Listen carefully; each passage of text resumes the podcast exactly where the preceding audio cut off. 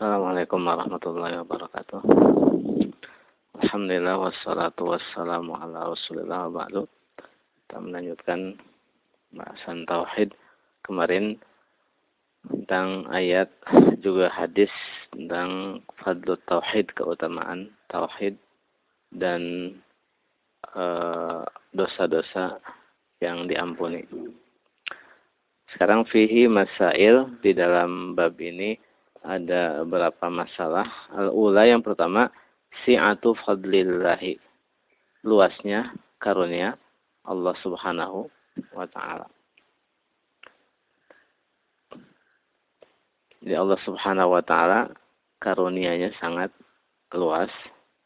Sehingga e, orang ketika dia punya dosa yang banyak tapi dia mentauhidkan Allah subhanahu wa ta'ala Eh, Allah Subhanahu wa taala bila menghendaki mengampuni orang tersebut.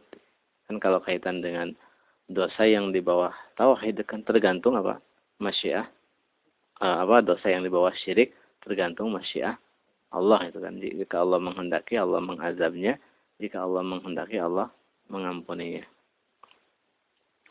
Kemudian asaniyah yang kedua adalah kasratus sawabit tauhid indallah banyaknya pahala tauhid di si Allah Subhanahu wa taala.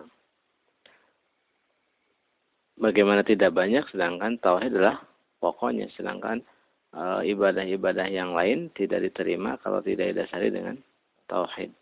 Wa ya'mal minas salihati wa huwa mu'min min zakarin aw unsa wa huwa mu'minun fa ulaika yadkhuluna al-jannata wa la yudlamuna naqira barang siapa mengerjakan amal soleh baik laki-laki maupun perempuan sedang dia mukmin muwahhid. Maka mereka dimasukkan ke dalam surga dan tidak dizalimi sedikit pun. Kemudian asalisah yang ketiga faedah masalah yang ketiga takfiruhu ma'adzalika lidzunub.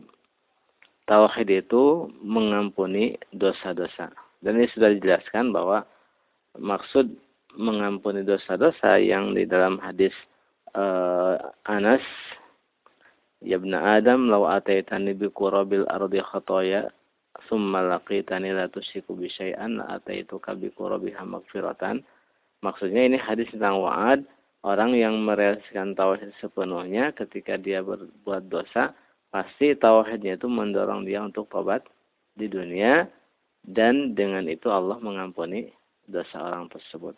Bukan artinya kalau orang yang penting bertauhid walaupun banyak dosa, dosa pasti diampuni. Kalau begitu tidak akan ada yang namanya muwahhid yang masuk neraka kan. Kalau memang e, sekedar apa e, kadar minimal tauhid direalisasikan itu akan mengampuni dosa seluruhnya selain syirik, tentu tidak akan ada orang yang muwahhid yang masuk neraka. Kemudian Ar-Rabi'ah yang keempat tafsirul ayah allati fi suratil an'am. Penafsiran ayat yang di surat Al-An'am alladzina amanu wa lam yalbisu imanahum bizulmin ulaika lahumul amnu wa hum muhtadun.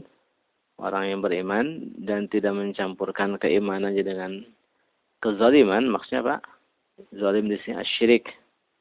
Karena zalim itu kalimat yang tergantung apa penggunaannya. Kadang untuk uh, zalim biasa, kadang untuk syirik, uh, juga untuk kafir wal wal kafiruna humuz zalimun. Orang-orang kafir itulah orang-orang yang zalim.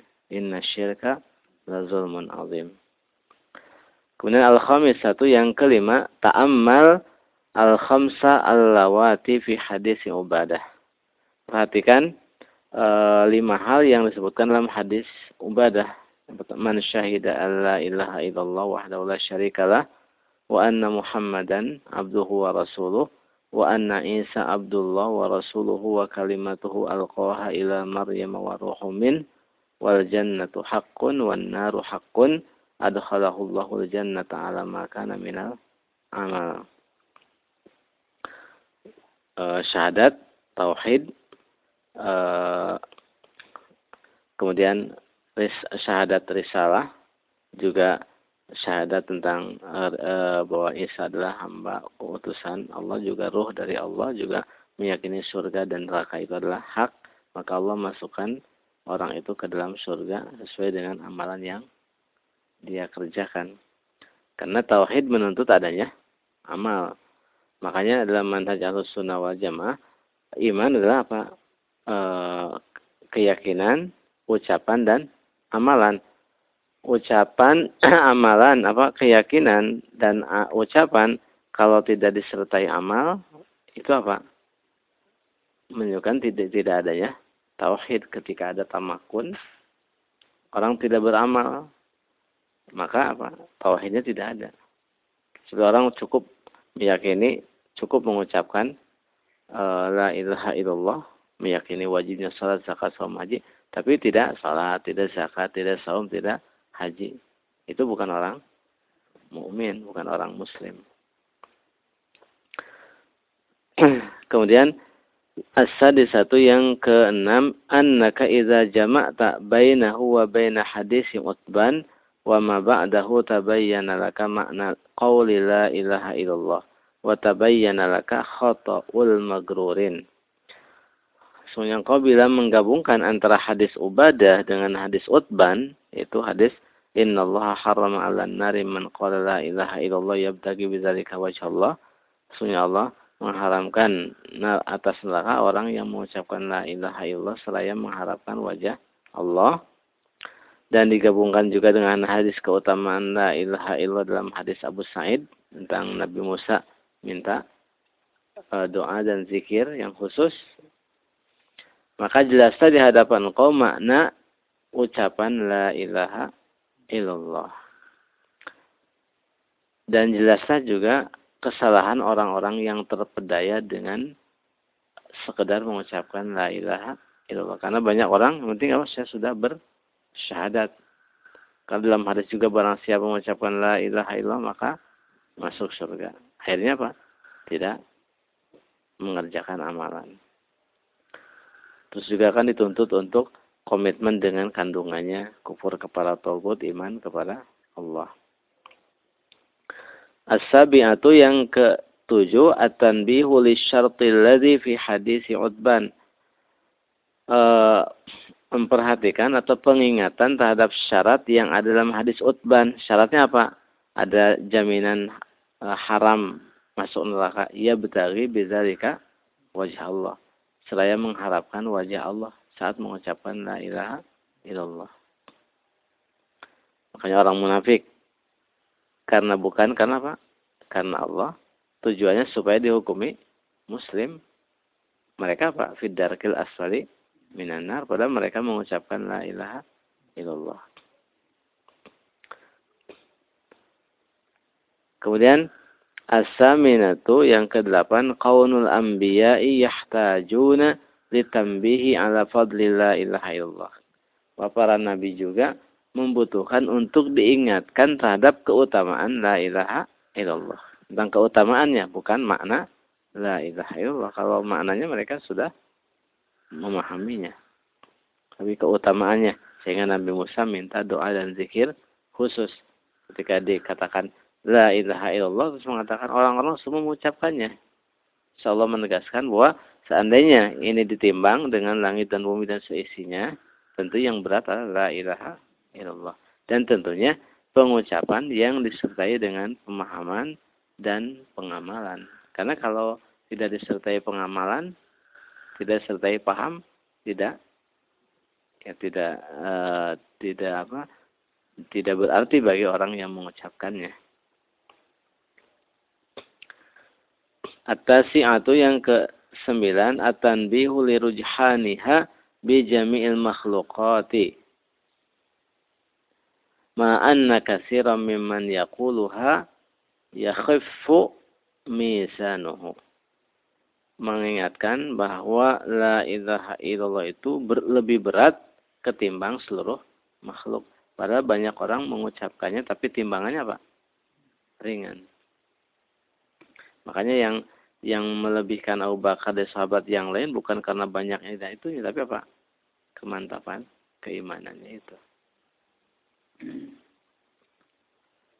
Kemudian al-ashiratu yang ke-10 an-nasu ala anna al-aradina sab'un kas-samawat. Penegasan bahwa bumi juga tujuh tujuh lapis seperti bumi eh, seperti langit. Jarak antara langit dengan langit berikutnya 500 tahun, tebalnya juga 500 tahun. Uh, di atas apa langit ketujuh ada air kan? Di atas air ada aras. Aras dipikul oleh uh, delapan malaikat.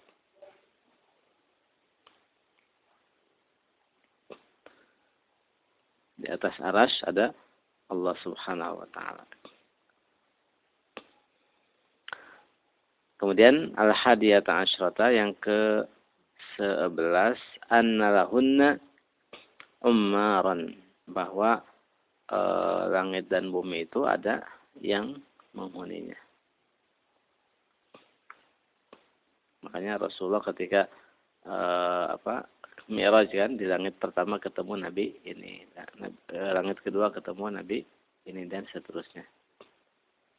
Dan juga di hadis bahwa tidak ada apa bilang itu tidak ada se apa se seukuran e, kaki pun melainkan di situ ada malaikat yang meletakkan apa keningnya sujud.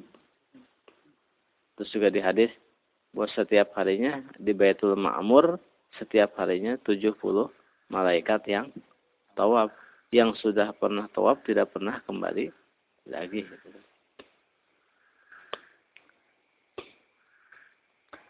Kemudian as-saniyata asyrata isbatus sifat khilafan lil asyariyah. Penetapan sifat sifat Allah berbeda dengan asyariyah. Itu wajah Allah kan wajah Allah sifat uh, uh, khabari ya. Karena ada sifat-sifat yang tidak diketahui kecuali lewat khabar nas. Beda dengan sifat-sifat yang bisa diketahui secara akal.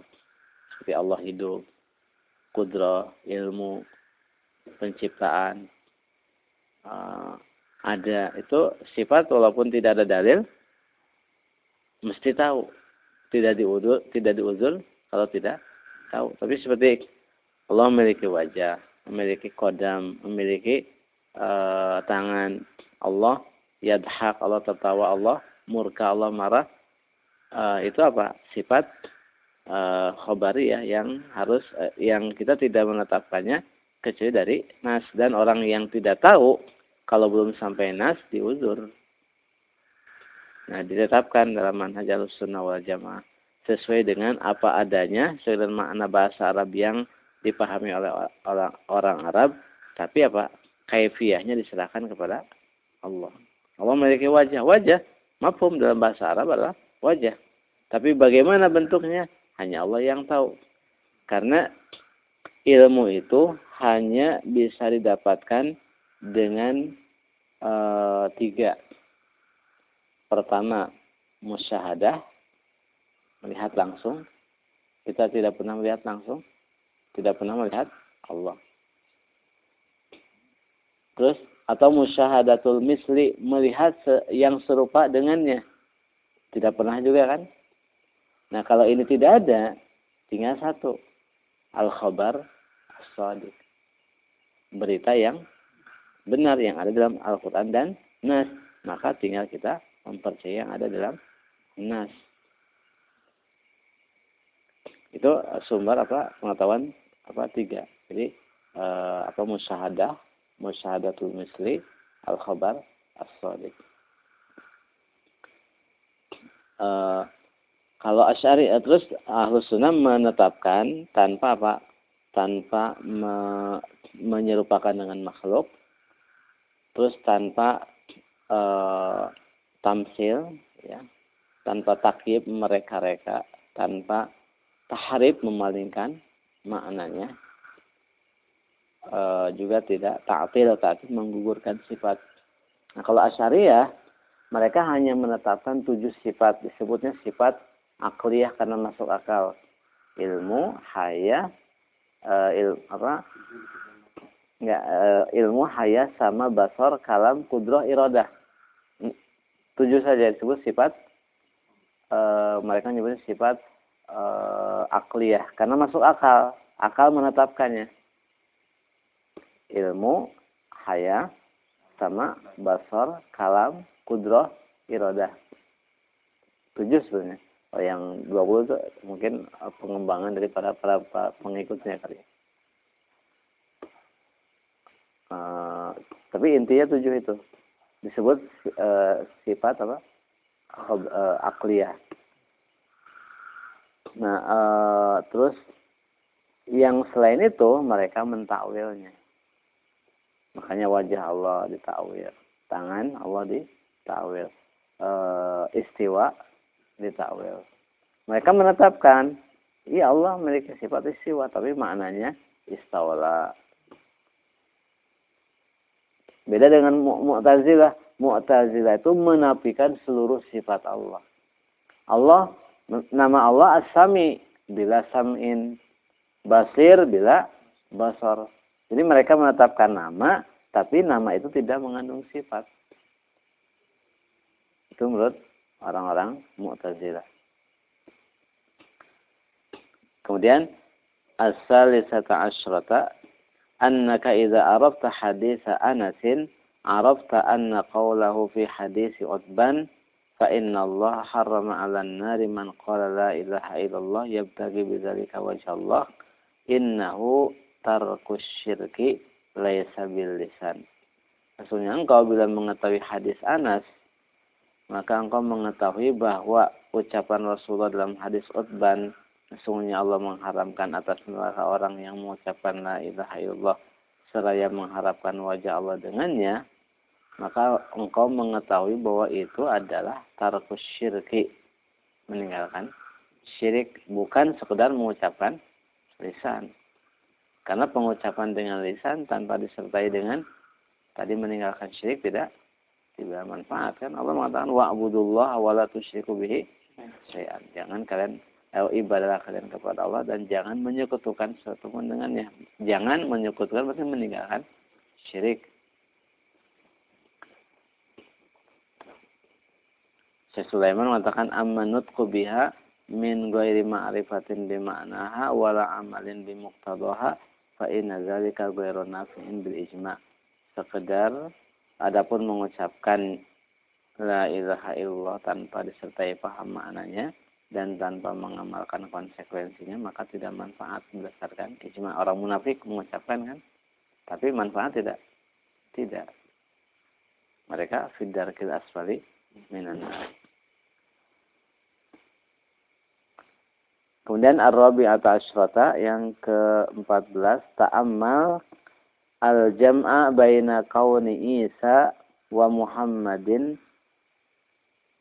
uh, abdullah wa rasulahu. Perhatikan penggabungan antara keberadaan Isa dan Muhammad sebagai hamba dan utusan Allah. Uh, disebutkan sebagai hamba untuk menafikan sifat gulu orang yang memposisikan Rasulullah atau Nabi Isa pada makom uluhiyah. Disebutkan rasul untuk um, apa menggugurkan tuduhan orang yang mengatakan bahwa Rasulullah itu apa belajar dari orang. Kan ada orang mengatakan itu kan?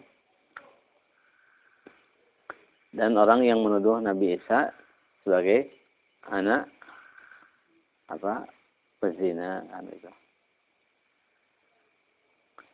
Kemudian al-khamisata asyrata ma'rifatu ikhti ma'rifatu ikhtisasi Isa biqaunihi kalimat Allah. Mengetahui kekhususan Nabi Isa bahwa ia adalah kalimat Allah. Jadinya dengan kun fayakun. Tidak melalui proses uh, seperti manusia biasa itu dengan proses uh, apa pernikahan orang tua. Tapi Nabi Isa jadi dengan kun fayakun disebut kalimat Allah itu kun. Kemudian as-sadisata asyrata ma'rifatu kaunihi ruhan minhu. Mengetahui keberadaan bahwa Nabi Isa itu ruh darinya maksudnya bukan ruh oh, maksudnya ruh Allah tapi ruh dari dari ruh-ruh yang Allah ciptakan. Jadi diidopatan kepada Allah itu dalam rangka tasyrif eh, apa pemuliaan kepada Nabi Isa sebagaimana Ka'bah Baitullah bukan artinya uh, yang lain bukan Baitullah. Tapi khusus didapatkan sebagai bentuk tasyrif kepada Ka'bah itu. Seperti uh, unta ya, unta anak unta Nabi apa? Saleh kan? Naqatullah ya, disebutkan unta Allah. Itu dalam rangka apa? Tasyrif. Apa yang lain bukan unta Allah? Unta Allah juga kan? Tapi ini khusus. Karena memang uh, memiliki keistimewaan khusus. Gitu. Kemudian as-sabi'ata asyrata ma'rifatu fadlil iman bil jannah wan nar. Mengetahui ke keutamaan iman kepada surga dan neraka. Makanya orang yang mengingkari surga kafir. Secara apa? Total. Orang mengingkari neraka kafir secara total. Tidak diuzur dengan sebab ketidaktahuannya. Kemudian as-saminata asyrata yang ke-18 ma'rifatu qawlihi ala ma kana minal amal. Mengetahui makna sabda Rasulullah sesuai dengan amal yang dia kerjakan. Maksudnya keyakinan itu menuntut adanya amalan. Kemudian atas si ata asyrata ma'rifatu annal mizan lahu uh, kifatan atau kafatan mengetahui bahwa timbangan itu punya dua sisi. Kalau orang bertanya bagaimana amalan nanti di akhirat amalan ditimbang. Kan amalan sesuatu apa? Abstrak ya. Allah maha kuasa sebagaimana e, nanti kematian, kalimat kematian sesuatu yang abstrak. Tapi Allah e, kuasa untuk menjelmakan kematian menjadi seekor kibas domba besar yang disembelih di antara surga dan neraka. Jadi kematian kalimat yang abstrak ini diwujudkan menjadi sesuatu yang konkret yang disembelih. Dan begitu juga amalan. Amalan akan menjadi sesuatu yang konkret yang bisa ditimbang. Dan yang ditimbang itu ditimbang amalan siapa? Orang muslim. Kalau orang kafir apa? Ditimbang tidak? Tidak. Allah mengatakan, "Fala nuqimu lahum yaumal qiyamati wazna." Allah kan tidak menegakkan timbangan buat orang kafir. Kenapa? Karena tidak ada yang ditimbangnya. Orang munafik tidak ada yang ditimbang. Yang ditimbang itu orang muslim punya tauhid, punya dosa. Itu ditimbang. Antara dosa membanyakan mana? Kalau banyakkan dosanya berarti masuk Kalau sama itu ashabul araf itu yang diperlihatkan di apa belum masukkan ke dalam surga dulu tapi di apa di Arab itu pembatas itu melihat penghuni surga ingin masuk surga melihat penghuni neraka dia takut jadi supaya dia merasakan ketika dimasukkan ke karunia Allah karena surat al-Arab itu orang yang amalan kebaikan dan amalan keburukannya apa sama tapi ujungnya dimasukkan ke dalam surga Kemudian ma'rifatu zikril wajhi mengetahui penyebutan wajah. Tadi ia bertagi bidzalika wajah Allah. Itu e, masail yang ada dalam e, bab keutamaan tauhid dan dosa yang diampuni dengan sebab perealisasian tauhid bahwa e, maksudnya adalah ketika tauhid direalisasikan sepenuhnya akan mendorong orang untuk mentobati dosa-dosanya di dunia. Sehingga dia datang tanpa membawa dosa. Tapi tetap walaupun dosa sudah diampuni, nanti kan ketika uh, penghisaban, kadang ada ada arad itu kan, pemaparan. Bukankah kamu telah melakukan ini dan itu gitu kan? Terus kamu tobat dan aku menutupinya. Dia mengakui saat itu kamu menutupinya maka aku menutupinya juga. Gitu itu walaupun sudah tobati akan apa akan diperlihatkan, akan dipertanyakan, akan ditakrir gitu kan. Seperti itu. Kita cukupkan. Wassalamualaikum warahmatullahi wa ala alihi wasallam. Subhanakallahumma bihamdika asyhadu an la ilaha warahmatullahi wabarakatuh.